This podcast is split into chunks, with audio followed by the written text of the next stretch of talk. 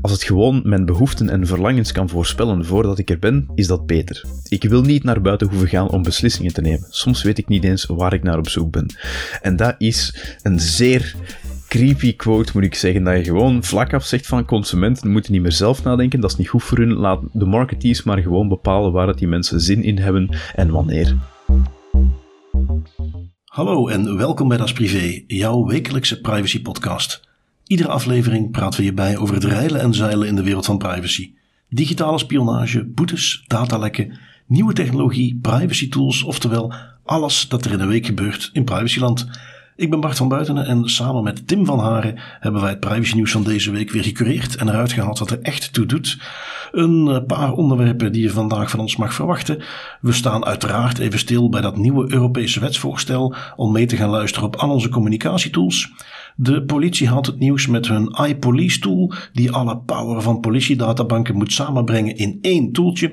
Duizenden websites oogsten de gegevens die je ingeeft in formulieren voordat je op submit hebt geduwd. Dat en uiteraard nog veel, veel meer deze keer in Das Privé. Um, huishoudelijke mededelingen. Ik heb een aankondiging. En Tim, als ik heel eerlijk ben, dat is een aankondiging waar ik heel erg trots op ben dat we die eindelijk kunnen doen. Want dat wil ik al heel lang organiseren. Maar het is nu uh, ja, uh, officieel genoeg dat ik daar al aankondiging voor wil doen. Uh, Privcon 2022. Privcon, zoals de naam insinueert, een privacyconferentie. Uh, ik heb altijd gevonden dat we daar in, uh, zeker in België, uh, een beetje verstokt zijn van fatsoenlijke privacyconferenties. Is te zeggen, je hebt natuurlijk de IAPP, wat het commerciële feestje is van die privacy associatie uit Amerika. Je hebt CPDP, waar we zelf ook zullen zijn. Ik toch in ieder geval 23 mei, het privacycafé van DPI. Maar dat is dan weer meer academisch. En een wat toegankelijker privacyconferentie die ook geen rip uit je lijf kost, die ontbreekt. Wel, Privcon 2022 wordt dat. Uh, is iets wat zeker de bedoeling is dat we dat ook jaarlijks gaan doen. En op 5 oktober 2022 in het provinciehuis in Antwerpen organiseert Das Privé dus de eerste Privcon. Um, we hebben een, uh, een line-up met twee tracks. We hebben een community track. Laten we zeggen voor ook meer de mensen die al in onze community zitten. Voor misschien ook veel van de luisteraars. Privacy is interessant, maar je bent er niet per se professioneel mee bezig. Um, wat ik ook heel erg leuk vind, is dat we in die track een aantal mensen uit de community zelf mogen verwelkomen. Die gaan praten over uh, iemand, Dylan kon praten over hoe hij zoveel mogelijk gegoogeld heeft. Uh, iemand binnen de community die daar toch echt nog, ook binnen dat groepje, het meeste mee bezig is en daar hele interessante dingen over kan vertellen. We hebben Dries, die komt vertellen over de strijd die zij met de Liga bij de mensenrechten doen als zij wetten gaan aanvechten, het grondwettelijk hof, hoe dat in elkaar zit, zo'n tocht. Als ze bijvoorbeeld tegen data retentie bezig zijn. We mogen privacy corrivee Matthias Dobbelaar Welvaart uiteraard verwelkomen. Vind ik ook heel erg leuk dat hij uh, de ruimte maakt om op Privcon te komen spreken. Uh, dus dat is voor het meer community track. We hebben ook de pro track, waar uiteraard jij zelf Tim een uh, mooie sessie gaat geven over de leukste zaken die we bij autoriteiten voorbij hebben zien komen. Um, we hebben daar DPO's die meer de pragmatische insteek gaan meegeven, hoe zij privacy toepassen in hun organisatie. interessante onderwerpen en uh, ja, ik kijk er ontzettend naar uit om dat te gaan organiseren. We hebben dus de locatie al, we hebben al een heel aantal sprekers. En we gaan naar de komende periode, gaan we daar uh, wat meer aandacht aan geven, gaan we daarmee naar buiten komen. Is er ook een mogelijkheid om in te schrijven. Um, we gaan dat qua aantallen wat beperken. Uh, eerste editie wil is dat gewoon goed organiseren. we zitten nu ongeveer te denken aan dat we dat op 100 mensen gaan houden. Maar wil je zeker weten dat je erbij kunt zijn? Stuur een mailtje naar bart.dasprivé.be en dan zorg ik dat jouw plekje sowieso al vast ligt. Um, en voor de rest, ja, we gaan dat binnenkort ook uh, officieel openstellen. Dus dan komt dat zeker goed. Misschien ook belangrijk om mee te geven, dat is nog niet helemaal afgeklopt. Ook even kijken naar de kosten die de organisatie met zich meebrengt. Maar prijspunt vind ik een hele belangrijke, omdat het dus veel toegankelijker te maken dan die andere privacyconferenties. Voor individuen zal dat ergens tussen de 50 en de 75 euro liggen. En voor privacy professionals in ieder geval onder de 200 euro. En ja, dat vind ik, als je dat even vergelijkt met andere privacyconferenties, een wereld van verschil. En dat sluit een beetje aan natuurlijk met de insteek van Das Privé VZW om die dingen toegankelijk te maken. Um, dat is geen commercieel feestje. Dus nou, dat uh, huishoudelijke mededeling waar ik heel erg blij mee ben. En daar gaan we zeker de komende periode nog meer aandacht aan geven. Um, voor de rest, en dat vond ik eigenlijk ook wel ja, mooi hoe dat liep, een kleine opvolging. Want we hadden natuurlijk uh, vorige week als headliner uh, in onze show het, het, verhaal rond Stad Gent en het datalek wat daar gebeurd was. Uh, Oepsje Stad Gent noemden we het. Maar daar hebben we wat feedback gekregen. En, en Tim, jij ook zeker, hebt nog redelijk uitgebreid gesproken met het DPO van de Stad Gent. En dat verhaal bleek toch aanzienlijk genuanceerder dan hoe het in de pers was verschenen. Ja, inderdaad. Uh, eerst en vooral alvast al is mijn bedanking voor Philip Kolle, de DPO van Stad Gent, dat hij ons heeft gecontacteerd om toch enkele nuances teweeg te brengen vind ik altijd heel leuk, hè, want wij nemen ook artikels mee en wij baseren onze informatie voornamelijk op die artikels. En soms blijkt dan dat er informatie in artikels niet helemaal accuraat is. En uh, ja, ik heb dus een, een, tijdje nog gebabbeld met, met Philip, met de DPO van Stad Gent, en daar zijn enkele interessante nuances naar boven gekomen. Twee zijn voor mij echt de, of drie eigenlijk zijn voor mij de belangrijkste nuances daar. De eerste is, eh, we hebben gezegd oepsje Stad Gent, zo stond het ook in het artikel dat het vooral ging over een, een formulier, een online meldformulier van Stad Gent. Maar dit gaat eigenlijk veel breder. Dit is iets dat zowel in Gent als in Antwerpen als in Leuven gebruikt wordt, dat aanmeldingsplatform, um, voor de scholen daar in die verschillende steden en wordt dus niet echt effectief uitgebaat door Stad Gent. Dus dat is al meteen een eerste belangrijke nuance. Dit is eigenlijk niet iets dat enkel en alleen bij Stad Gent ligt. Um, tweede, we hebben vorige week gezegd, en dat stond ook zo in het artikel, dat het heel gemakkelijk was om informatie in dat datalek terug te gaan vinden in Excel-sheets die gewoon achter een publiek openbaar link stonden. Daar zijn ook bepaalde zaken die we kunnen nuanceren. Wel, eerst en vooral, de link is inderdaad publiek, openbaar. Als je de link weet, dan kan je effectief die informatie vinden, ook als je daar geen recht toe hebt. Maar het is effectief wel zo dat in die link bepaalde ID's, identifiers staan waar je echt interne kennis voor nodig moet hebben om die juiste link te kunnen krijgen. Dus het is niet zo dat je zomaar ergens op kan klikken of dat je dat ergens kan vinden en dat je dan meteen aan alle informatie kan. Je hebt eigenlijk ook wel interne informatie nodig en dat maakt het verhaal een pak genuanceerder. Hè. Dan is het niet gewoon open en bloot, maar je hebt die inside knowledge nodig.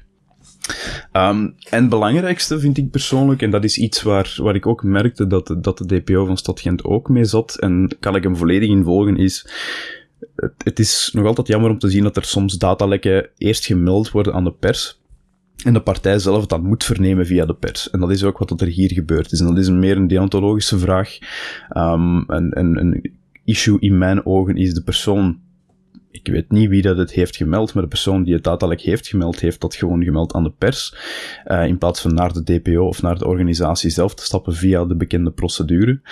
En ja, daarmee ik heb daar mijn twijfels bij of dat, dat wel de juiste manier van aanpak is, want dat zorgt voor heel veel bijkomende problemen. Hè. Dus mensen die dan verantwoordelijk zijn voor het datalek te dichten, die worden dan eigenlijk um, bij verrassing genomen, bij wijze van spreken.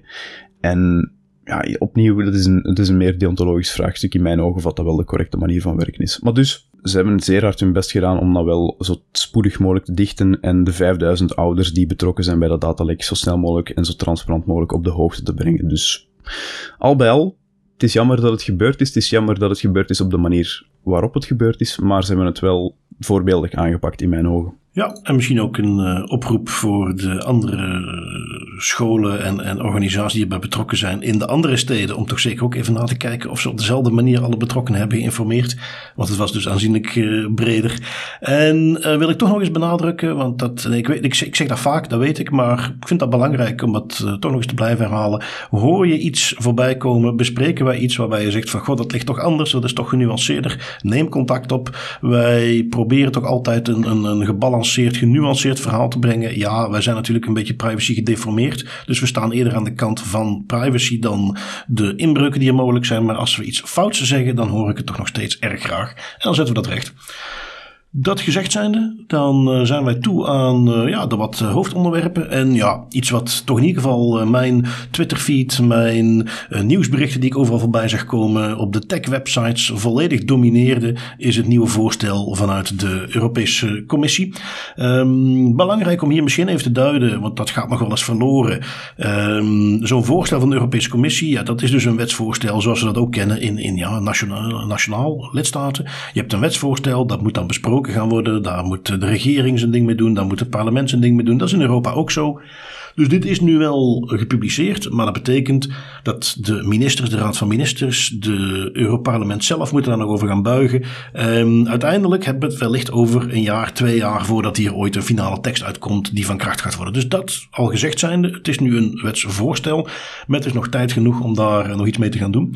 Maar waar gaat dat wetsvoorstel nu over? Wel, men haalt natuurlijk nog eens een keer het recht van de kinderen erbij tegen uh, ja, uh, kindermisbruikmateriaal wat beschikbaar is op het internet. Daar gaat het wetsvoorstel over en wat we kunnen doen om dat tegen te gaan.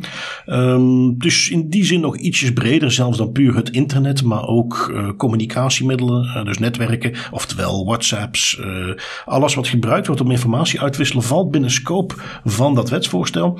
En waar het eigenlijk over gaat is dat de providers van die tools, die moeten mogelijkheden gaan voorzien.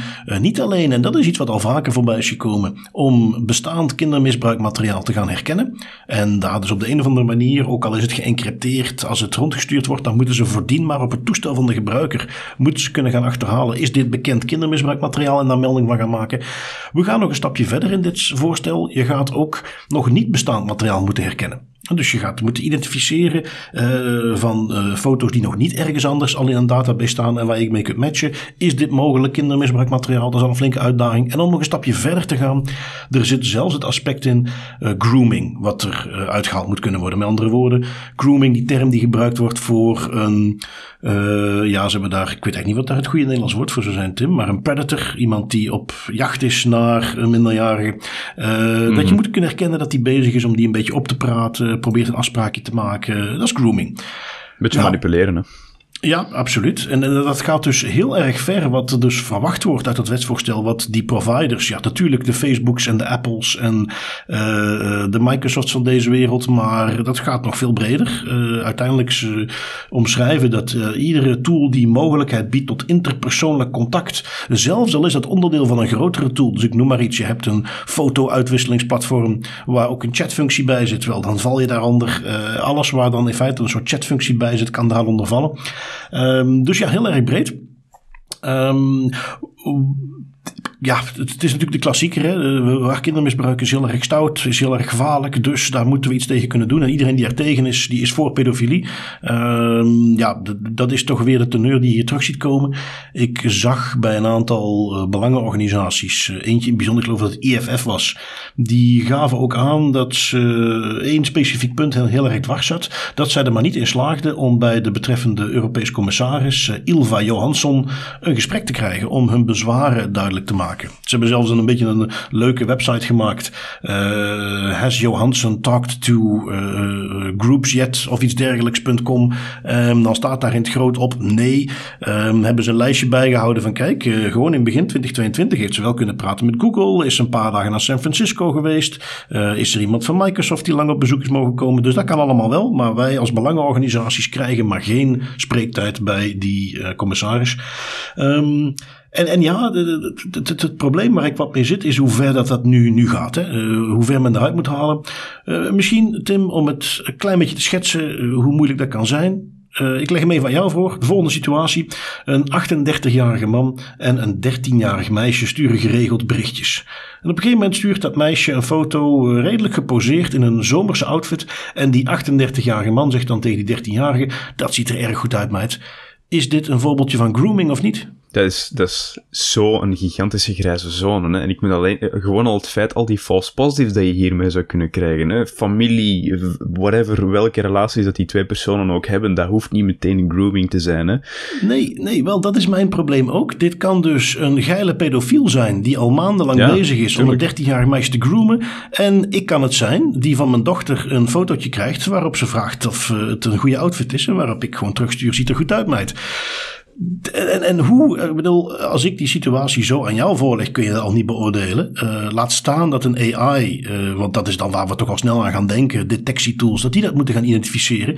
Dus, dus ja, ik, ik snap niet hoe ze, dat lijkt me in de praktijk onmogelijk doenbaar. Dat voorstel gaat ook niet in hoe dat technisch moet gaan, want zegt men, ja, dat moet technologie neutraal zijn. Wat er vandaag werkt, dat moet over tien jaar ook nog werken. En ja, goed, dan ben je dus als, als, als techbedrijf. En ik bedoel, we mogen duidelijk maken dat wij echt niet pro-Meta, pro-Facebook, pro-Instagram, alles wat eronder hangt eh, zijn. Maar hoe ze dit zouden moeten gaan oplossen, dat is natuurlijk, uh, ja, dat is ondoenbaar. Um, en dat is, dat is een groot probleem.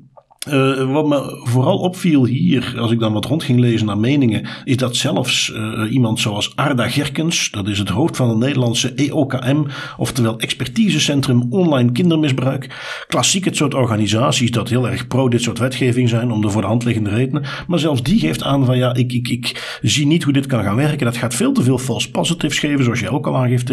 En daarnaast gaat dit bepaalde tools ondermijnen qua security, want wat dag 1 nu een uh, tool gaat zijn die kindermisbruikmateriaal kan opsporen, kan natuurlijk in uh, een volgende situatie ineens gebruikt worden ook om heel ander materiaal op te gaan sporen. Um, wie gaat dat allemaal beheersen?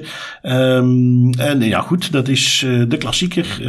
men ziet het dus ook in heel veel belangengroepen dan weer als een, een aanval op encryptie en een poging om daar weer onderdoor te komen. onder de klassieke vermomming van ja, maar het is toch voor de kinderen. Ja, wat dat, dat is een typisch, typisch non-argument eigenlijk. Hè. Dat is al een doodgeslagen argument. Ik heb er wel uh, een, een, ja, een, een gigantische bedenking bij. Ik vraag me oprecht af of wel, wat de meerwaarde hiervan is. En waarom vraag ik me dat af? Omdat, wel, die uh, Arda Gerkens van het EOKM gaf het ook al aan, te veel false positives. Als je zoiets moet gaan instellen en je moet zoiets gaan uitbaten, zo'n systeem, en alle hits die eruit komen, je moet daar, daar gaan doorfilteren. Ja, je gaat gewoon geen tijd meer hebben om nog iets anders te doen. Want er worden dagdagelijks miljoenen berichten gestuurd via al die platformen. Laat staan dat er dan 10%, give or take, of 5% zelfs nog maar, false positives genereren over potentiële grooming die worden geanalyseerd door een AI of door een ander systeem ja, dat lijkt mij gewoon. Allee, je gaat daarmee effectief het goede werk dat die, dat, dat die mensen misschien doen ook belemmeren door ze te veel werk te geven dat eigenlijk onzinnig is en nergens op slaat. Nou ja, men, men gebruikt dat. Uh, wat in het wetsvoorstel ook staat, is dat het, uh, er een extra Europese instelling wordt opgericht. Het Europees Center. Uh, ja, ze hebben dan een mooie naam voor. In ieder geval Europees Center tegen online kindermisbruikmateriaal. Wat dit moet gaan opvolgen. die die melding gaat binnenkrijgen en die vervolgens ook die weer door moet gaan sturen naar Europol.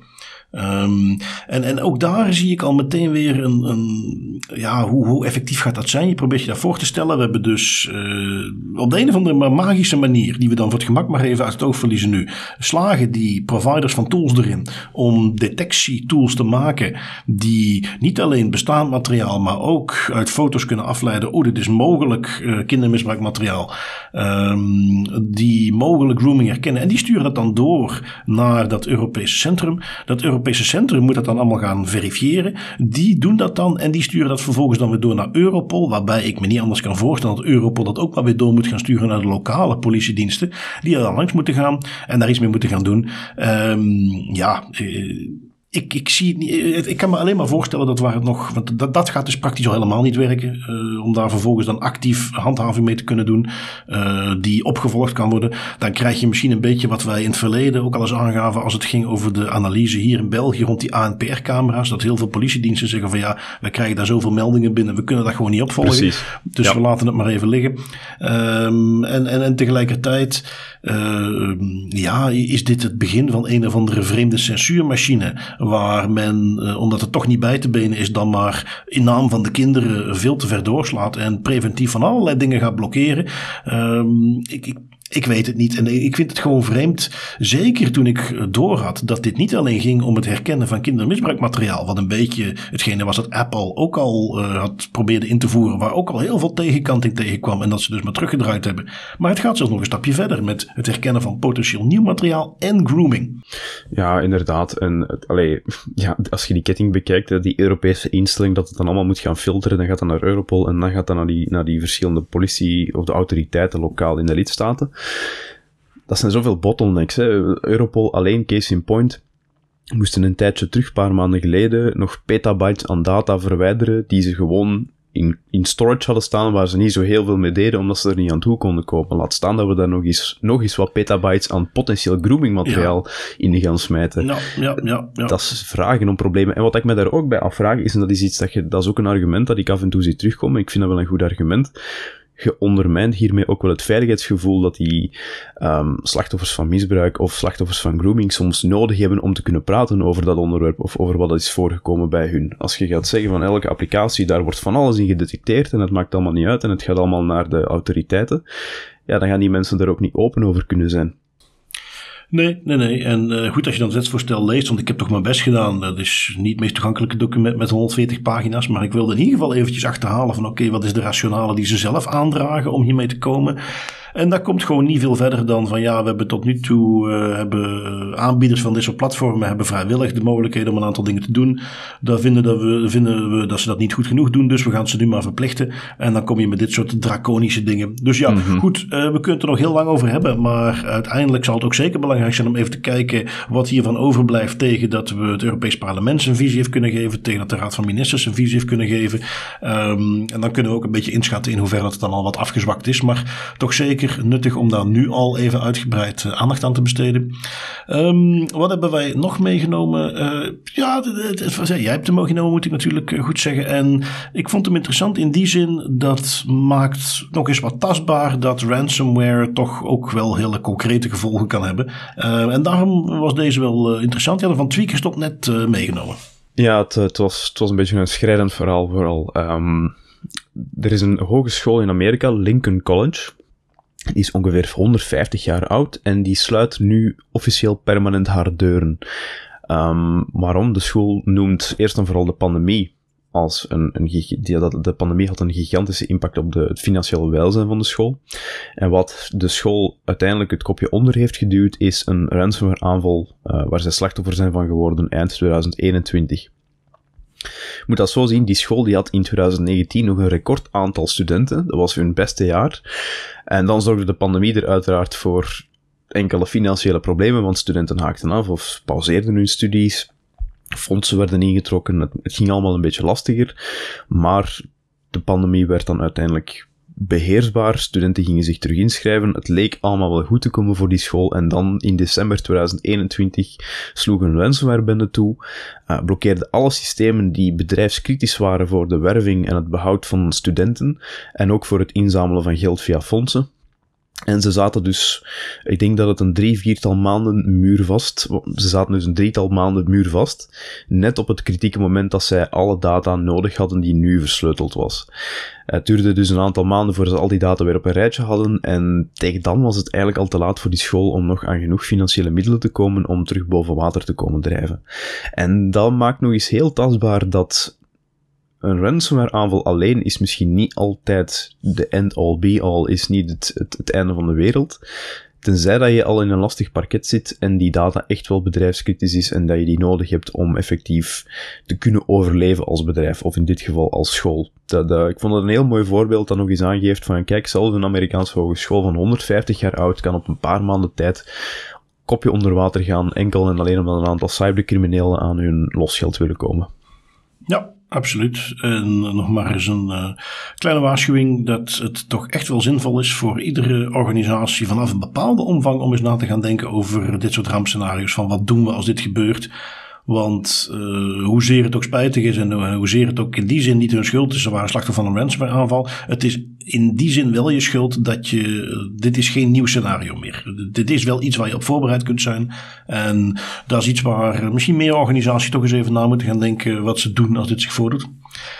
Um, even zien, wat hebben we nog? Ja, iets wat uh, toch ook wel in privacyland aardig verspreid werd. Uh, wat ook extra leuk was in die zin dat er wat uh, Belgische onderzoekers aan meegewerkt hadden.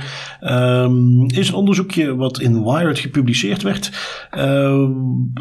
Eigenlijk, de, de bottom line is redelijk simpel. En heeft iets in zich van, ach ja, ah, ja, verbaast me eigenlijk niks. Maar toch weer opnieuw de, de oefening om dat in kaart te brengen. Daar het onderzoek naar te doen. Dat is hier het, het belangrijke werk dat ze gedaan hebben. Um, dat is trouwens ook, uh, als we het wel eens hebben over ja, de wat meer academische insteek rond privacy. En, en hoe dat vaak misschien niet helemaal overeenkomt met bijvoorbeeld hoe je als DPO praktisch met dingen om moet gaan. Maar het zijn net wel dit soort onderzoekjes die vanuit die hoek gevoerd kunnen worden, gevoerd worden. En waar je anders niet snel iemand mee bezig zou zien. Ehm, nu, concreet, waar gaat het over? Zij hebben uh, onderzoek gedaan naar webformulieren, waar je dus, ja, of het nu is om een account aan te maken, of je in te schrijven voor een nieuwsbrief, of uh, wat voor formulier dan ook, dat zij erachter kwamen dat heel veel van die formulieren de gegevens die je invult al doorsturen naar het bedrijf, al doorsturen naar marketingbedrijven, uh, voordat je zelfs maar op submit hebt geduwd. Met andere woorden, als jij zo'n formuliertje invult en je besluit ergens van ja, zie toch niet zitten eigenlijk, ik ga het niet doen. Wel, je gegevens zijn al doorgestuurd. Um, waar hadden ze het over in hun lijstje? Uh, dat het binnen de EU waren er bijna 2000 websites die bijvoorbeeld al het e-mailadres hadden uh, opgeslorpt voordat er toestemming was gegeven door het door te sturen. En in de VS was dat uh, zelfs 3000 van die websites die zijn geanalyseerd die dat soort tooltjes gebruiken. Ze zeggen er meteen zelf wel bij dat voor zover zij kunnen vaststellen, de meeste van die organisaties dat niet bewust doen, maar dat, zoals zo vaak, een plugin of iets wat zij gebruiken om het formuliertje op de website te, weer te geven, dat die dat eigenlijk deed. Um, ze gaan er ook niet per se op in of het per se misbruik is. Ik noem maar wat. Als ik een e-mailadres invul, het kan best zijn dat ze dat e-mailadres op de achtergrond al even doorsturen. Om te toetsen staat het in een van onze bekende lijsten. Staat de at.com is dan een bekende spam uh, categorie. Waardoor ze dus zeggen, dat soort gebruikers willen we niet op onze website. Dat is iets wat ik nog kan bedenken, dat dat erachter zit. Um, maar in ieder geval, toch, en dat is puur even ook het GDPR-standpunt, uh, kan heel nuttig zijn. Maar dat is zeker niet iets wat transparant is voor de gebruikers. En laten we wel zijn. Uh, ze geven ook specifiek aan dat er heel wat uh, derde partij marketing en analytics services bij zaten. En zeker als het Amerikaanse partijen zijn, mag je er rustig van uitgaan dat die data ook weer gewoon in een database komt. En dat dat niet per se voor hele verklaarbare en fijne doeleinden gebruikt werd. Ja, en dat maakt het eigenlijk in mijn ogen nog net iets perverser. Dat het niet die sites zelf zijn dat dat beslissen, maar dat het door gebruik te maken van third-party tools van marketing- en analytics-industrieën, dat die data dan opgeslopt wordt in een zwart gat en dan ergens anders verkocht wordt of geaggregeerd wordt door een of andere Lucian databroker. Uh, we hebben er al een aantal van meegenomen in voorgaande afleveringen van de podcast. Dat loopt niet altijd goed af. Dus ik vind dat, ik vind dat eigenlijk, ja, ik vind dat eigenlijk nog iets slechter. Hè. Dat, dat, toont ook nog maar eens aan hoe pervers dat die marketing- en analytics-industrie is geworden, dat ze al heimelijk eigenlijk data gaan filteren van mensen die nog niet zo goed weten wat dat ze wel of niet willen gaan invullen, nog voordat ze die op die knop hebben geduwd, submit form. Dat is, zegt heel veel over die industrie, moet ik zeggen. Ja, en het zegt ook wel heel veel over wat ze tegenwoordig allemaal zien. Dat in ieder geval toen ik het las, dat ik zoiets had van, oh ja, verbaast me niks. Uh, ja. Had ik verwacht. Ja. Dat is eigenlijk ook, hè, dat die reactie al, dat het al geen moord- en brandschrijven meer is, maar dat het zoiets is van, oh wel, dat heeft lang geduurd voor hem dat door had. Ja, ja, ja, dus, ja, uh, ja. En hoge, hoge aantallen. Nou, ik had verwacht dat er misschien zo'n honderdtal dat ging doen. Ja, bon, ik zeg nu wel hoge aantallen, maar als je dan ziet inderdaad dat het vooral door third-party marketing en analytics services is, kunnen allemaal wel raden welke dat dat zijn, hè. Ja. En die worden overal gebruikt. Precies. Um, even kijken, dan heb ik nog iets meegenomen van het laatste nieuws, maar was op meerdere plekken terug te vinden. Uh, en dat is een, ja, toch een beetje een prestigeproject van de politie, kunnen we wel zeggen. Um, is iets wat eigenlijk ook al in 2017 was aangekondigd. Ik heb daar wat naar teruggezocht. Op een website van Wolters Kluwer vond ik daar al aankondiging, waar men aangaf van ja, we gaan, we gaan een nieuw systeem maken. We gaan een systeem maken waarin al die losse databankjes van de politie, de, de, volgens mij hadden ze het over meer dan 100 verschillende systemen, die nu gebruikt worden om, om gegevens te registreren en om gegevens op te vragen en, en te consulteren. Uh, die gaan we samenpakken in één grote tool. iPolice heet het. Um, en ja, goed, het doel is om uh, geautomatiseerde informatie in allerlei databanken op gecentraliseerde manier bij elkaar te brengen. Uh, automatische kruising van gegevens te kunnen doen. camerabeelden samen te brengen. Vingerafdrukken op te kunnen sporen. Andere sporen terug te kunnen vinden. dat allemaal dus in eigenlijk aan de vingertoetsen van een agent. Want de bedoeling is dat het zelfs in een mobiele toepassing terug te vinden is. Dat de agent een gsm erbij kan pakken. Gegevens invullen van iemand en meteen een mooi overzichtje krijgt van alles wat men weet. Um, ja, kijk, de, de, de, voordelen vanuit politiediensten uh, mogen duidelijk zijn. Uh, het zal in de praktijk ook heel vaak voorkomen dat je, omdat je niet meteen toegang hebt tot alle gegevens, omdat niet al die databanken goed aan elkaar gekoppeld zijn, dat jij iemand laat gaan die je niet had moeten laten gaan. Dat jij iemand misschien niet oppakt of, of niet uh, staande houdt omdat je niet alle informatie hebt. Uh, dus je kunt de voordelen, snap je, zijn duidelijk. Mm, ik denk dat de nadelen ook heel duidelijk mogen zijn. Uh, centraliseren is altijd iets wat gevaarlijk is van dit soort informatie. En daarnaast, en eventjes los van de, natuurlijk de privacy impact die het kan hebben. Um, ik ben ook heel benieuwd wat hier uiteindelijk van terecht komt. in die zin dat het was dus in 2017 al aangekondigd. 2021 zou men dat dan geleidelijk moeten gaan invoeren. Wel, die aankondiging kwam op deze manier niet terug. in het artikel wat ik nu recent terugvond. Want daar ging het over, ja, het gaat nu eindelijk uh, aangekondigd worden en er gaan sessies gegeven worden binnen de politie om het, het systeem langzaamaan te laten zien. Met andere woorden, er, er zit alweer een stevige vertraging op het project, want we zijn al een jaar later dan wat men eigenlijk had voorzien om te gaan invoeren. En uit de manier hoe men het omschreef, kreeg ik toch de indruk, dit zijn, dit zijn demootjes van hoe het gaat werken, maar dat is nog zeker niet afgewerkte product. Um, ja, 300 miljoen is een prijskaartje wat hier aanhangt. En dan moest ik ook terugdenken aan, aan bepaalde analyses die men deed. Als men dan eens ging kijken van ja, hoe komt het toch dat overheidsprojecten in de IT zo vaak falen? Uh, en en ja, eigenlijk de, de, in, in de basis kun je dat herleiden tot het feit hoe groter je zo'n project maakt, hoe langer je ermee bezig bent, hoe meer radartjes er zitten en hoe het eigenlijk bijna onontkombaar wordt dat je tegen problemen aan gaat lopen. Um, versus als je dat op een andere manier zou aanpakken en je gaat het een beetje opdelen in, in, in subprojectjes en je gaat die één per één afwerken en je bouwt gewoon langzaam alle bouwsteentjes bij elkaar die uiteindelijk tot dan jouw mooie systeem zouden leiden, dat dat een veel betere aanpak zou zijn. Um, en, en, en dus ja, goed, die, die twee dingen even samen. Wat gaat er nu precies gebeuren op het moment dat dat soort, dat die veelheid aan gegevens effectief via een appje en via een gecentraliseerd dashboard, laten we het dan maar zeggen, ineens beschikbaar wordt? Um, en uh, gaat dit systeem er überhaupt wel komen? Gaan ze dit effectief goed uitgerold krijgen? Gaat het een succes zijn? En mocht dat niet zo zijn, ja, wat gebeurt er dan met hetgeen dat men toch houtje touwtje al wel een beetje heeft gemaakt? Uh, want dat gaat men dan vaak nog een beetje proberen te recycleren. Dus ja, toch aardig wat, wat potentiële alarmbellen.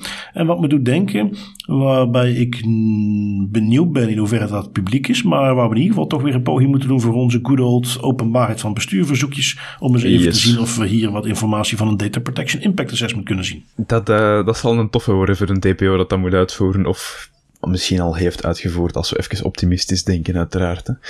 Ja, ik, uh, goh, ik, ik sta altijd heel sceptisch tegenover dat soort projectjes. Zeker eerst en vooral de omvang, 300 miljoen. Maar als we ook even kijken naar de privacy impact en naar de beveiliging. Uh, als ik het goed heb, is dat dus ook effectief een, een vervolg eigenlijk op wat dat denk ik nu de, de Focus-app heet, wat dat ook gewoon een app is dat je op je persoonlijke mobiele telefoon kunt zetten en dan ook bepaalde informatie kunt gaan opzoeken in politiedatabanken. En dat iPolice, dat gaat dan ook op persoonlijke smartphones van agenten komen, die misschien niet allemaal hun smartphone even goed beveiligen los van het feit dat, dat, je er dan ook nog eens vanuit moet gaan dat die applicatie feilloos is ontwikkeld, supergoed geprogrammeerd met alle privacy en security by design principes, um, vind ik dan nog altijd dubbel dat al die informatie en al die, die macht om bepaalde informatie over mensen te gaan opzoeken, zomaar op een persoonlijke smartphone van een agent staat. Ik vind dat een, een, een dubbel gevoel en ik vind een overweging die ze wel moeten maken of dat wel wenselijk is. Want er zijn wel bepaalde risico's aan verbonden, denk ik. Ja, potentieel misbruik alleen al, uh, zelfs als die app fantastisch werkt, uh, is natuurlijk een risico. Ik, ik, ben wel benieuwd, want dit is er ook zo'n voorbeeldje waar ik toch, uh, als dat kan, ook heel graag aandacht zou besteden aan van ja, maar kijk, daar is, heeft men goed over nagedacht. Daar is op deze en deze manier hebben we daar waarborgen ingebouwd. Um, ik zal zelf eens gaan kijken op wat voor manier we daar iets van terug kunnen vinden. Maar mocht er iemand luisteren uit de politiediensten en die zegt van nou, we willen daar best wel iets over bekendmaken. we willen daar best een beetje over naar buiten treden over hoe dat in elkaar zit. Laat het zeker weten, want daar sta ik helemaal voor open. Um, als wij dan even verder gaan, uh, iets waar ook aardig wat aan het bewegen is en waar nu ietsje meer van bekend is. Ik weet niet zeker hoeveel, maar je hebt hem bekeken, Tim. Uh, wat meer aankondigingen rond de herziening die de, het Verenigd Koninkrijk gaat doen aan hun privacywetgeving, die langzaamaan steeds meer zou gaan afwijken van de GDPR. Ja, keyword is hier ietsje meer bekend. Uh, het is namelijk zo dat in het Verenigd Koninkrijk deze week de, de wetgevingsagenda in de Queen's Speech, zonder Queen deze keer voor het komende jaar, is aangekondigd. Um, en onder andere staat daar een, een Data Protection Reform Bill op de agenda. Um, nu, de echt specifieke details over wat dat die Data Protection Reform Bill moet inhouden, zijn nog niet, dat moet nog worden vrijgegeven. Maar er is wel uh, een publieke raadpleging geweest over het initiatief vorig jaar. En toen sprak de regering over een nieuwe gegevensbeschermingsregeling die, en ik quote eventjes, onnodige belemmeringen voor verantwoord gegevensverbruik en, nog eens een quote, onnodige onzekerheden of risico's voor bedrijven tot een minimum beperken. Nu Bart, puur gevoelsmatig, je hoort die twee zinnen. Wat is jouw gevoel? Ja, uh, twijfel, twijfel, twijfel. Uh. Allee, daar ben ik dus niet alleen. Ik sta er dus heel sceptisch tegenover dat je dus het op die manier gaat omschrijven. Het lijkt hier alsof ze heel hard de kant van de bedrijven kiezen en eigenlijk een aantal principes vanuit de, wat dan nu nog de UK GDPR is, de GDPR-wetgeving die na de brexit in Britse wet is geschreven, uh, om die ja, te laten verwateren. Hè. Dat is waar dat het een beetje op slaat als ik nu zo wat de tendens lees. Ja, het enige waar ik daar gewoon wat mee zit, is dat uh, ze lijken er zelf ook nog niet helemaal uit te zijn hoe ver ze eigenlijk mee willen gaan. Omdat er steeds komt er wel weer naar buiten en ja, we zijn weer wat verder. Maar echt nu is gewoon concreet van, nou, hier is het lijstje met de dingen die we gaan doen. Dat is er nog steeds niet. Misschien ook, nee, dat klopt, klopt. En dat, gaan ze, dat gingen ze normaal gezien ergens in de zomer komende maanden publiceren. En ik denk dat ze het misschien ook, dat is, dat is een, een hypothese van mij, maar ik denk dat ze er ook misschien inderdaad bewust mee wachten. Omdat ja, de, de Europese Commissie, die moet binnenkort weer een adequaatheidsbesluit gaan geven of net niet gaan geven over het Verenigd Koninkrijk. Hè. Um, toen het Verenigd Koninkrijk effectief uit de Europese Unie is gestapt, heeft de Europese Commissie een adequaatheidsbesluit gegeven of geoordeeld over het Verenigd Koninkrijk, maar daar zit een sunset clause in. Wat dat wil zeggen is dat adequaatheidsbesluit, dat is niet eeuwig geldig, dat vervalt eigenlijk in 2024. Dus daar zit wel een, ja, dat is een tijdbom. Hè? En als dan het Verenigd Koninkrijk beslist om zeer hard te gaan sleutelen aan de UK GDPR zoals dat ze nu bestaat, die heel hard lijkt op de GDPR-wetgeving, dan kan het wel eens zijn dat die binnenkort zonder adequaatheidsbesluit zitten. Wat dat ook iets is waar ze ongetwijfeld rekening mee houden. En dan gaan ze gewoon lekker de Amerikaanse kant op. En dan eh, kunnen we voortaan een splitsing gaan maken tussen de Anglo-Saxische privacy en de normale privacy. oh my god, als we daar beland. Nu, um, we doen het zelf ook niet altijd perfect, of toch in ieder geval qua awareness mag nog wel wat verbeteren. En, en wat ik daar een heel schrijnend voorbeeldje van vond, eentje die in de Twitterverse voorbij kwam, in uh, de Vlaamstalige podcastwereld, um, had te maken met een, een, een ja, vond ik toch een behoorlijke what the fuck actie van uh, puntje van kritiek van de VRT. Ehm, is een radioprogramma, ja goed zoals de naam insinueert, waarin ze dus op een bepaalde manier gaan kijken naar kritiek die er is. daar ongetwijfeld iets onderzoeken. Ik moet toegeven, ik luister het voor de rest nooit. Maar nu heb ik toch eens een stukje van de aflevering geluisterd. Wat is de casus? Um, iemand van de podcast Computer Club. Uh, die was in het podcastfestival van de Standaard, geloof ik. Die had een soort live sessie. En daarin kwam een stukje naar voren waarin hij benoemde wat het wachtwoord was van de info.vrt.be account. Waarmee zij toegang krijgen tot alle krantensites. Waarin zij dus zelf informatie kunnen opvragen. Uh, je kunt allerlei abonnementen nemen op En ja, goed, dit was dus kennelijk hun uh, account. Uh, info.vrt.be. En zonder enige schaamte geef ik ook graag het wachtwoord even mee wat er genoemd werd. VRT123. Um, ja, in en in triest natuurlijk, dat het op die manier is ingeregeld. Um, dat kwam naar buiten en bij, in dat programma, puntje van kritiek, dachten ze, weet je wat, we gaan uh, Frederik, Freddy zoals hij in de Computerclub podcast zelf genoemd wordt, die gaan we eens eventjes terugpakken. Um, en ze belden hem op. Uh, ze belden hem op en gaven hem uh, bij, deden de huisjurist, liet het woord voeren. En die ging die een beetje intimideren. geven, aangeven van ja, kijk, we hebben nu ondertussen een miljoenenclaim gekregen van de verschillende mediabedrijven die uh, inkomsten zijn misgelopen door jouw lek. En dus ja, daar gaan we zeker verhalen op jou. Um, en uh, ja, goed, je zult de brief wel zien verschijnen. Um, ik, ja, ik vond eigenlijk dat hij zich in het telefoongesprek nog redelijk staande hield als je ineens met zoiets geconfronteerd werd. hij was nog heel erg beleefd en ging niet echt kaart in de tegenaanval. Iets wat ik toch ook wel terecht had gevonden. Um, maar, en dan, dan ging men vervolgens nog eens een stapje verder. Men voelde in het verdere verloop van het programma kennelijk de behoefte als een soort, haha, nu hebben we je teruggepakt, om ook uh, slecht geanonimiseerd zijn rijksregisternummer, uh, gegevens van zijn werkgever, uh, in, in de ether te gooien. dat rijksregisternummer was zo slecht geanonimiseerd dat op het moment dat je zijn verjaardag wist, dat je zelf het rijksregisternummer kon achterhalen. Dus heel slecht gedaan. En ja, ik vond het, kijk, misschien moet ik even beginnen met te zeggen: het was niet slim van Freddy om op die manier dat wachtwoord in de ether te gooien. Ik denk niet dat ik dat gedaan had zelf. Um, dat, is, dat, dat was misschien een beetje een te goedkope behoefte om uh, puntjes te scoren. Dat gezegd zijnde, hoe men daar dan vervolgens vanuit een overheidsentiteit zoals de VRT mee omging. Om daar dan uh, tot goedkope intimidatie over te gaan. In plaats van gewoon dat wachtwoord even te veranderen en te accepteren dat je een blunder hebt gemaakt. Dat vond ik heel erg triest. Uh, daar dan nog gegevens van gaan publiceren van die persoon op een manier dat je ze makkelijk kunt achterhalen. Vond ik ook heel erg dom. En ja, al met al denk ik dat ze hier geen goed wil gescoord hebben. De aflevering zelf was ook meteen weer offline gehaald. Uh, zodra dat eenmaal een beetje naar buiten kwam. Uh, Matthias Dobbelaar Welvoort, Welvaart had er op Twitter ook wat aandacht voor.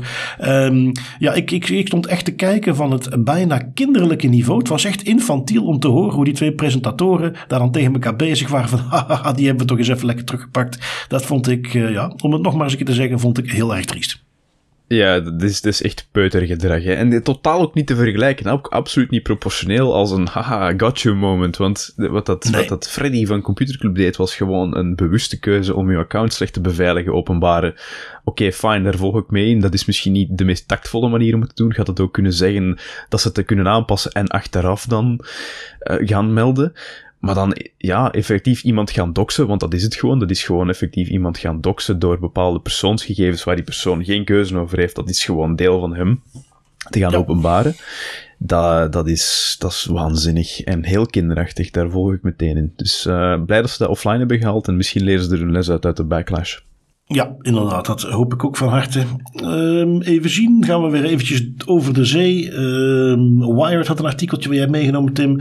Uh, waarin we nog eens voorbij zien komen waarom uh, een aantal dingen die Apple doet, zoals bijvoorbeeld het, het blokkeren van allerlei tracking, toch echt wel een goede zaak is. Ja, ja, het is uh, Apple, ja, die is nu toch al een tijdje bezig om zich te profileren als de privacy-voorvechter in Silicon Valley. In uh, september 2021 nog maakten ze het mogelijk om tracking pixels in e-mails te gaan blokkeren. En voor de luisteraars die niet weten wat dan een tracking pixel is, dat is eigenlijk een, een onzichtbare kleine, kleine, kleine afbeelding. Meestal gewoon één witte pixel ergens op de achtergrond. En als je een e-mail opent, dan pingt die een tracking pixel eigenlijk terug naar, uh, naar de marketingbureaus, naar de analyticsbureaus erachter, om duidelijk te maken van, ah, die persoon heeft die e-mail geopend op dat tijdstip met dit e-mail, met dat uh, IP-adres. Dus je kunt eigenlijk heel gemakkelijk achterhalen of dat iemand interesse heeft in iets bepaald als die de e-mail opent. En Apple werkt dat tegen door die pixels te downloaden, allemaal te openen, waardoor dat het de open sequentie waardeloos wordt. En uh, de downloads langs een proxy binnenpakt, zodat je IP-adres niet naar marketeers vloeit. Dus het, het idee van een tracking pixel in Apple e-mail is eigenlijk verleden tijd. Ward sprak daar nog eens over met um, iemand die toch wel redelijk bekend is in de marketingwereld, denk ik, Simon Polton, vice president van WePromote, een bekend marketingbureau voor zover dat ik kan volgen. En die maakt eigenlijk in zijn betoog over waarom tracking pixels toch wel handig zijn, nog maar eens heel duidelijk hoe creepy de intentie achter tracking wel niet is. Hè. Um, die Polton die stelt namelijk dat consumenten slechter af zijn door, zonder tracking, omdat het dan voor veel minder relevante advertenties zorgt en dat zeggen ze er niet bij, maar dat is uiteraard wat ze bedoelen voor veel minder omzet voor WePromote. En deze quote wou ik nog even benoemen, want dat vond ik echt heel betekenend. Hij zegt, het internet is altijd al op weg geweest naar personalisatie. Als het gewoon mijn behoeften en verlangens kan voorspellen voordat ik er ben, is dat beter. Ik wil niet naar buiten hoeven gaan om beslissingen te nemen. Soms weet ik niet eens waar ik naar op zoek ben. En dat is een zeer creepy quote, moet ik zeggen, dat je gewoon vlak af zegt van consumenten moeten niet meer zelf nadenken, dat is niet goed voor hun, laat de marketeers maar gewoon bepalen waar die mensen zin in hebben en wanneer. En dat, ja, dat zegt heel veel over de industrie achter heel die tracking en analytics gebeuren. Ja, want als er iets is waar wij eh, werkelijk iedere show wel voorbeelden van hebben, dan is het dat als AI zelf beslissingen moet gaan maken en zelf analyse moet laten doen, dat daar altijd fouten in zitten. Dus zelfs oh, ja. zou het zo zijn dat mensen blij zijn dat uh, marketeers en AI al die moeilijke beslissingen hun uit handen neemt omdat ze al die gegevens analyseren, dan nog blijkt vaak genoeg dat er daar helemaal niks van klopt. Uh, dat de data die ermee vergaard wordt, vervolgens op allerlei manieren het data-ecosysteem ingaat. En dat is ook niet de bedoeling. Dus nee, dat toont nog maar eens aan dat die, goh ja, niet helemaal in touch is met wat men, of de, de, gebruikers daar zelf mogelijk van vinden. Dat blijkt ook maar uit het feit, nu dat we eindelijk langzaamaan zien dat er op allerlei websites transparante keuzes komen tussen wel of geen cookies accepteren. Ja, dat ze zien dat dan 90% zegt van nou, doe dan maar geen cookies. Ik zit er niet per se op te wachten dat ik getracked word. Dus ja, Yeah. Pijnlijk duidelijk dat dat wat dat betreft ook cookies een eindig verhaal is. Of toch ieder geval dat soort tracking. Um, even zien, wat hebben we dan? Security.nl mag natuurlijk niet ontbreken. de GGD komt nog eens een keer voorbij. Nu niet vanwege een nieuw datalek, maar de manier hoe ze het oude datalek hopen op te lossen. Um, Tim, jij bent, stel eventjes, betrokken bij het datalek in de GGD. jouw gegevens, jouw burgerservice nummer, vaccinatiedatum, adresgegevens, telefoonnummer zaten in dat datalek. Jij bent daar niet blij mee. GGD contacteert jou. Tim, hier is 500 euro en dan hebben we het er niet meer over. Wat denk je? Dat vind ik, uh, dat vind ik toch wel heel goedkoop van de GGD. Ja, het is goedkoop. ik, ik, vraag me ook af, voor mezelf, uh, oké, ja goed, laat ik zo zeggen, er zijn bedragen waarbij ik dan zou zeggen van nou weet je wat, voor dit, deze specifieke datalek, daar wil ik dan best uh, over ophouden verder. Ik ga geen klacht indienen, geef mij 10.000 euro en zand erover. Uh, niet omdat ik dan het gevoel heb van oh, dan zijn de risico's voor mijn data voorbij, maar dan vind ik dat ik voldoende compensatie heb gehad om de eventuele nadelen te boven te komen. Um, maar goed, wat ze dus nu doen, 1250 mensen hebben dat aanbod gekregen om dus 500 euro te betalen. Staat niet letterlijk in het artikel overigens, maar denk ik dat we rustig mogen aannemen dat daar dan ook wel een, een contractje bij zal horen wat dat inhoudt. En dan moet je wel voor de rest je mond erover houden. Um, uh, goed, de consumentenorganisaties en, en ook zo'n, uh, ja, wat in Nederland heel gebruikelijk is, zo'n claimstichting die een uh, soort class action lawsuit aan het voorbereiden is tegen de GGD, hebben natuurlijk aangegeven dat je dat niet moet aannemen. die zeggen zelf van ja, dat zijn nu 1250 mensen, maar volgens ons zijn er misschien wel 6,5 miljoen mensen die ervoor in aanmerking komen. Um, in eerdere claims hadden die zelf ook al eens aangegeven dat ze vonden dat iets van, wat was het, 1250 euro toch eerder geplaatst zou zijn om uh, het leed van het eh, betrokken zijn in zo'n datalek te verzachten. Dus ja, uh, ik weet niet wat het is. Is het een, een, toch nog een poging tot damage control? Is het een oprechte poging om iets te laten zien wat ze kunnen doen?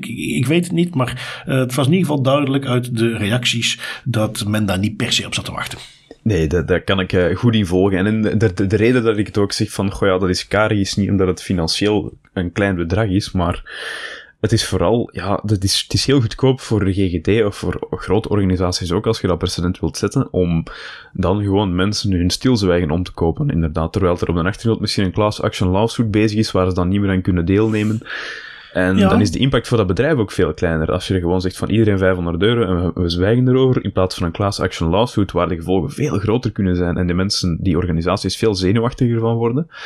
Ja, ik vind... Ja, en, en, en we hebben het dan over 500 eh, euro voor 1250 mensen. Eh, wat ik dus veel liever zou zien, uh, in zo'n geval zou ik de GGD zeggen, weet je wat, pak die 625.000 euro wat het in totaal is en stop dat eens eventjes in een revamp van je IT-systemen gebruik het daar maar voor. Ik hoef het niet te hebben.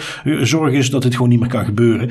En dat, in de bredere zin zou ik dat ook veel liever zien. Nu komen ze zelf met zo'n schikking. Ja goed, zo'n rechtszaak kan nog veel duurder worden. Maar als je dan kennelijk 625.000 euro over hebt om het te gaan fixen, fix het dan intern. Uh, in plaats van dat dan als een beetje doekje voor het bloeden aan te gaan bieden aan mensen die betrokken waren in dat datalek.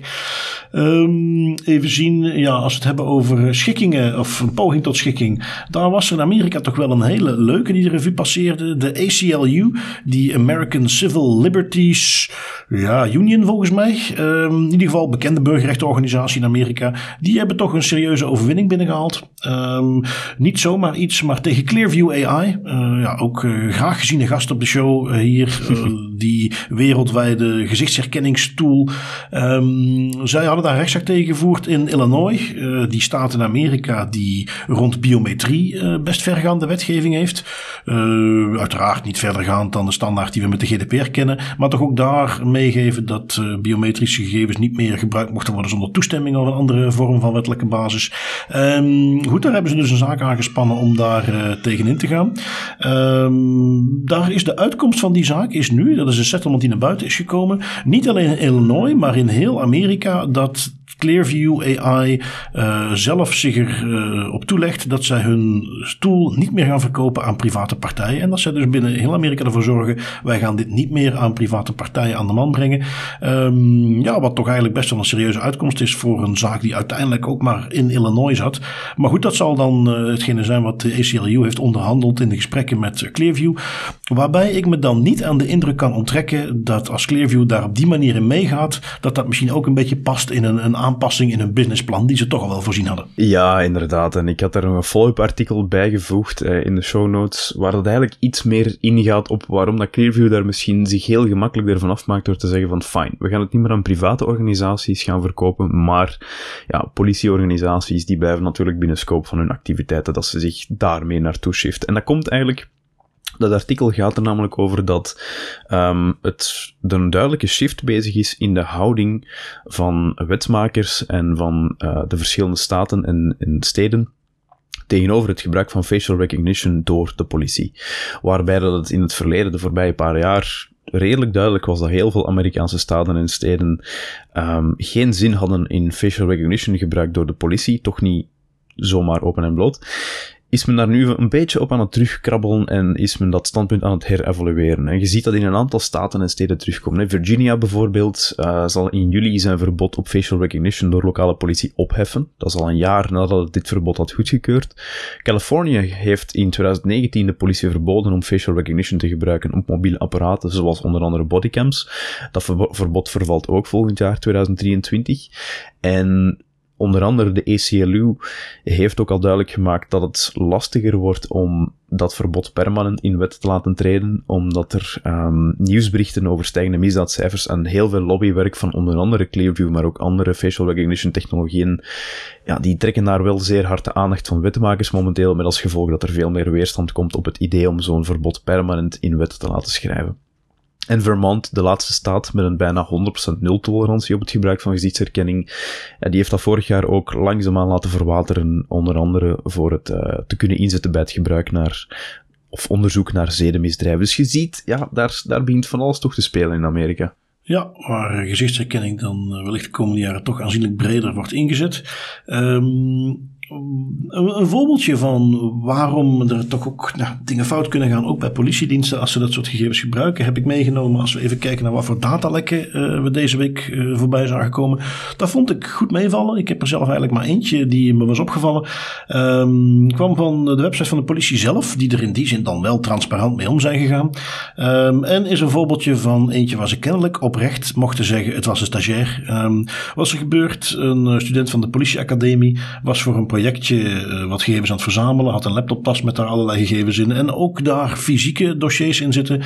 Waar dan gegevens in zitten zoals uh, bleek in het artikel van de politie zelf. Uh, burgerservice nummer, adres, naam, leeftijd, etc. Ja, het is een politiedienst. Dus ik neem aan dat die et toch eigenlijk nog wel aanzienlijk wat andere gevoelige gegevens Beetje een understatement hè? Beetje een understatement waarschijnlijk. maar in ieder geval, wat is er gebeurd? Die had die tas achter in de auto laten staan. in een parkeergarage. En toen ze de volgende dag terugkwam, was die tas gestolen, ruitje ingetikt.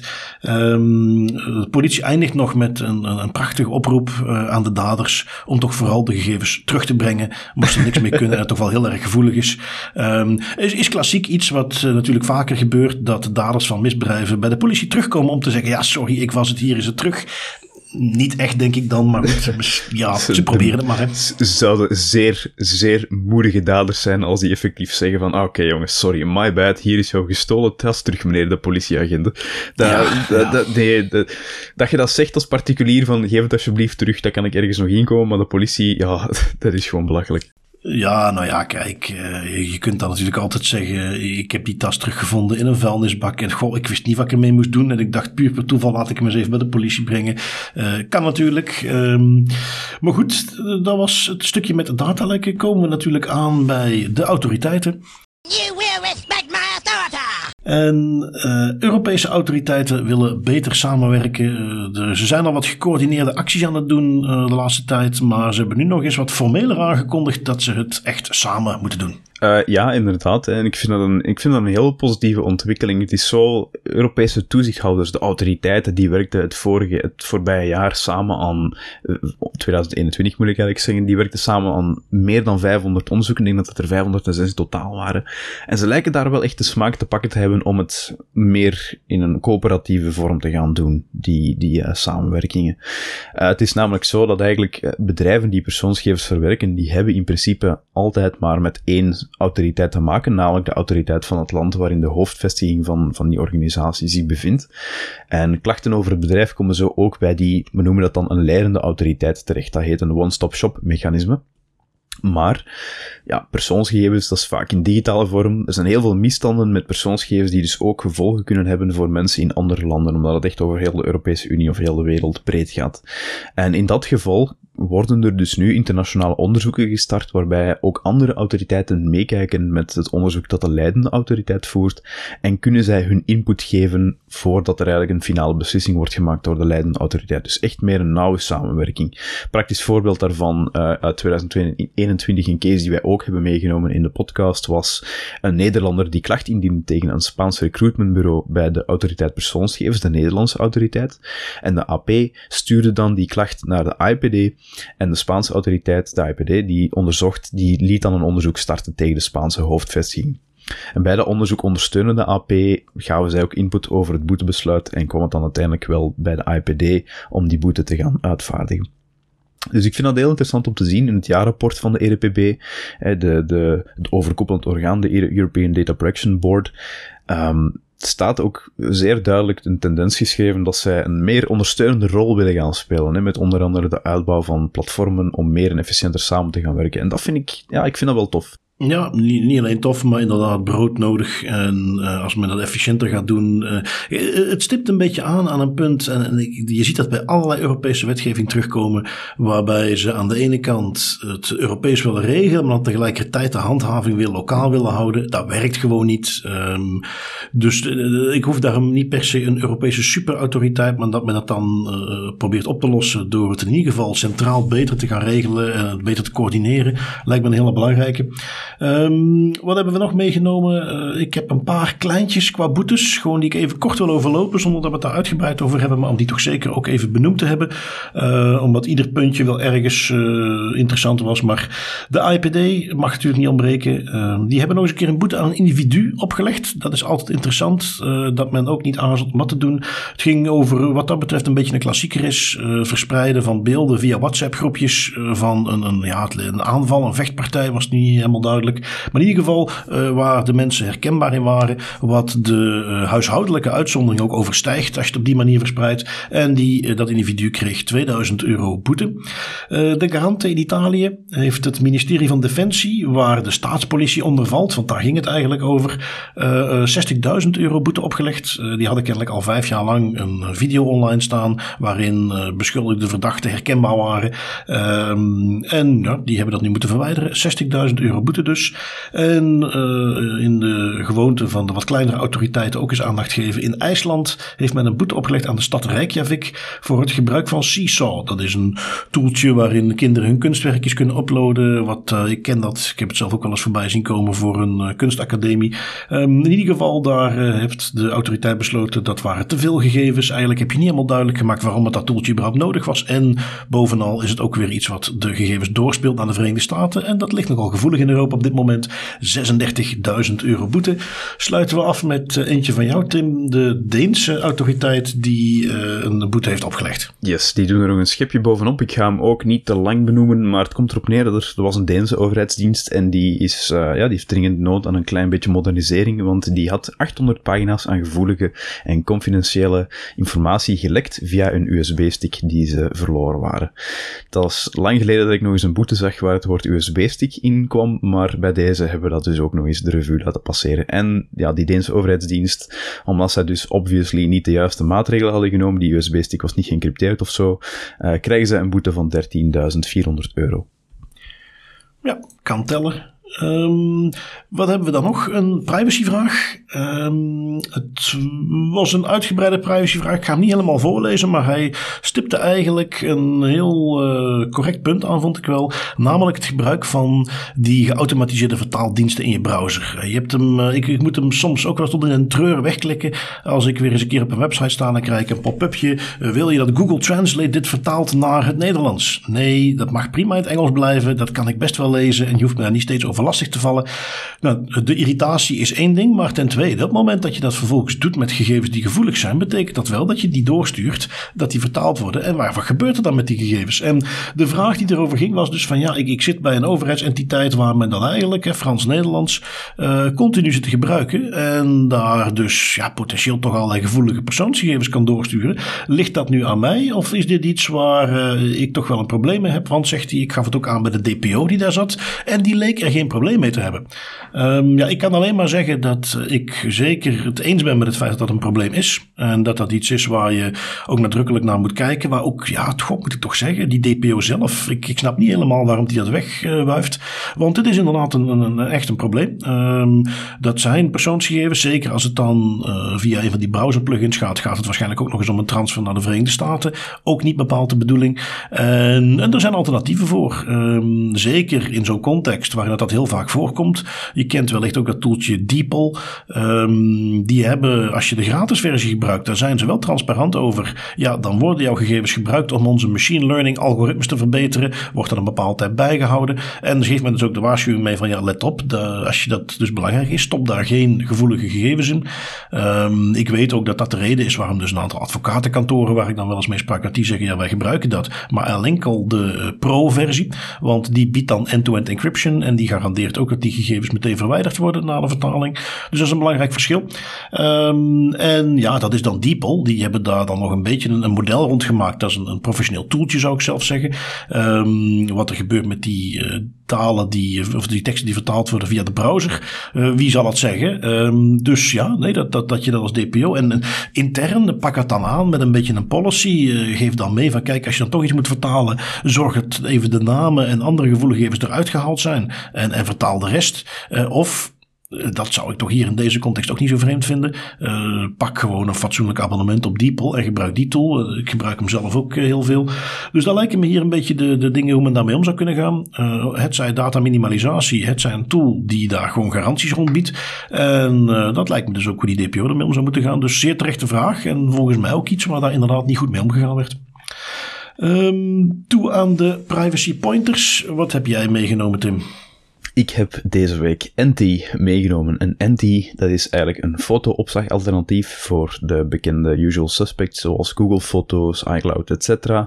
Um, en het is eigenlijk ja, simpel wat het doet. Hè. In zijn eenvoud, het zijn um, foto's worden end-to-end -end encrypted geüpload en worden gehost in datacenters in Nederland en Frankrijk. Um, er zijn bepaalde migratieopties beschikbaar, dus dat je niet elke foto manueel moet gaan overzetten voor onder andere de lokale harde schijf, Google Foto's, Apple en Amazon Foto's. En je kan, als je zegt van, goh ja, ik vind dat wel interessant, een gratis proefversie uitproberen van 1 gigabyte voor een heel jaar lang. Simpel, meer moet het niet zijn, en toen met encrypted photo storage, maar ik dacht dat wij dat nog niet hadden meegenomen in onze Das Privé tooltip, echt een dedicated photo storage app, dus bij deze hebben we dat nu ook eens. Oké, okay, uitstekend. Um, ja, Tim, je herinnert je misschien nog dat net voordat wij begonnen dat ik zei van, goh, ja, ik weet eigenlijk niet goed wat ik als privacy pointer moet meenemen. Uh, ik had er wel een paar bedacht, maar ik heb ze niet opgeschreven en nu ben ik ze kwijt. Maar die zijn mij gedurende de podcast dan toch weer te binnen geschoten. Um, de eerste even gewoon denkend aan dat uh, geintje wat de VRT of toch Radio 1, die twee presentatoren van uh, Puntje van Kritiek hadden uitgehaald. Ga eens lekker luisteren naar de Computerclub. Dat is mijn mm -hmm. tip als, om het een beetje goed te maken voor Frederik ik moet ook zeggen, ik heb daar zelf meteen een paar afleveringen van geluisterd. Um, ik vond het eigenlijk best een uh, leuke podcast. Een half uurtje technieknieuws. Um, interessant genoeg. Uh, dus ik ga de komende tijd zelf ook wat naar luisteren. Dus dat is één pointer die ik meegeef. Um, een andere, misschien wat meer uh, on point voor privacy. we hadden het over die anti-tracking die Apple aanbiedt in mailclients. Hè, dat er op afstand ingeladen toeltjes of, of pixels niet geladen worden en dus gegevens vrijgeven. Um, daar bestaat eigenlijk een functie voor in de meeste mailprogramma's, die je natuurlijk wel eerst uit moet zetten of aan moet zetten, is mooi te wil zien. Uh, dat heet namelijk Loading Remote Content. Uh, dat is een functie die in bijna al die mailclients zit. Um, als je dus niet wilt dat men het kan zien wanneer je een mailtje gelezen hebt, dat men allerlei tracking kan toevoegen, uh, is dat dus een redelijk simpele functie die je in iedere mailclient kunt uitzetten. Um, het feit dat men dus op het moment dat je een mailtje openklikt ook meteen alle inhoud, alle plaatjes, alle pixels bijvoorbeeld dus ook gaat inladen. Dat men dus de link link die daarna vermeld wordt gaat raadplegen. Waardoor men dus weet, heb je het wel of niet gelezen? Wel, door die functie uit te zetten zijn dat soort dingen niet meer mogelijk. En heb je dus eigenlijk al uh, gewoon met een standaard setting een soort anti-tracking uh, methode toegepast. Dus dat zijn mijn privacy pointers van deze week. Um, ja, dan hebben wij er weer een leuke show op zitten, Tim. Ik eindig toch nog eventjes met een warme oproep om Privcon 2022 in de gaten te houden. Wil je zeker weten dat je erheen kunt gaan, stuur vast even een mailtje. Dan garandeer ik dat ik je plaatje vrij houd. En anders de komende weken gaan we dat gegarandeerd uh, officieel opengooien. Um, en dan dank ik jou weer voor je tijd deze week, Tim. En onze luisteraars ook om weer naar ons te luisteren. En zoals altijd, Bart, met heel veel plezier. Tot volgende week. Tot volgende week.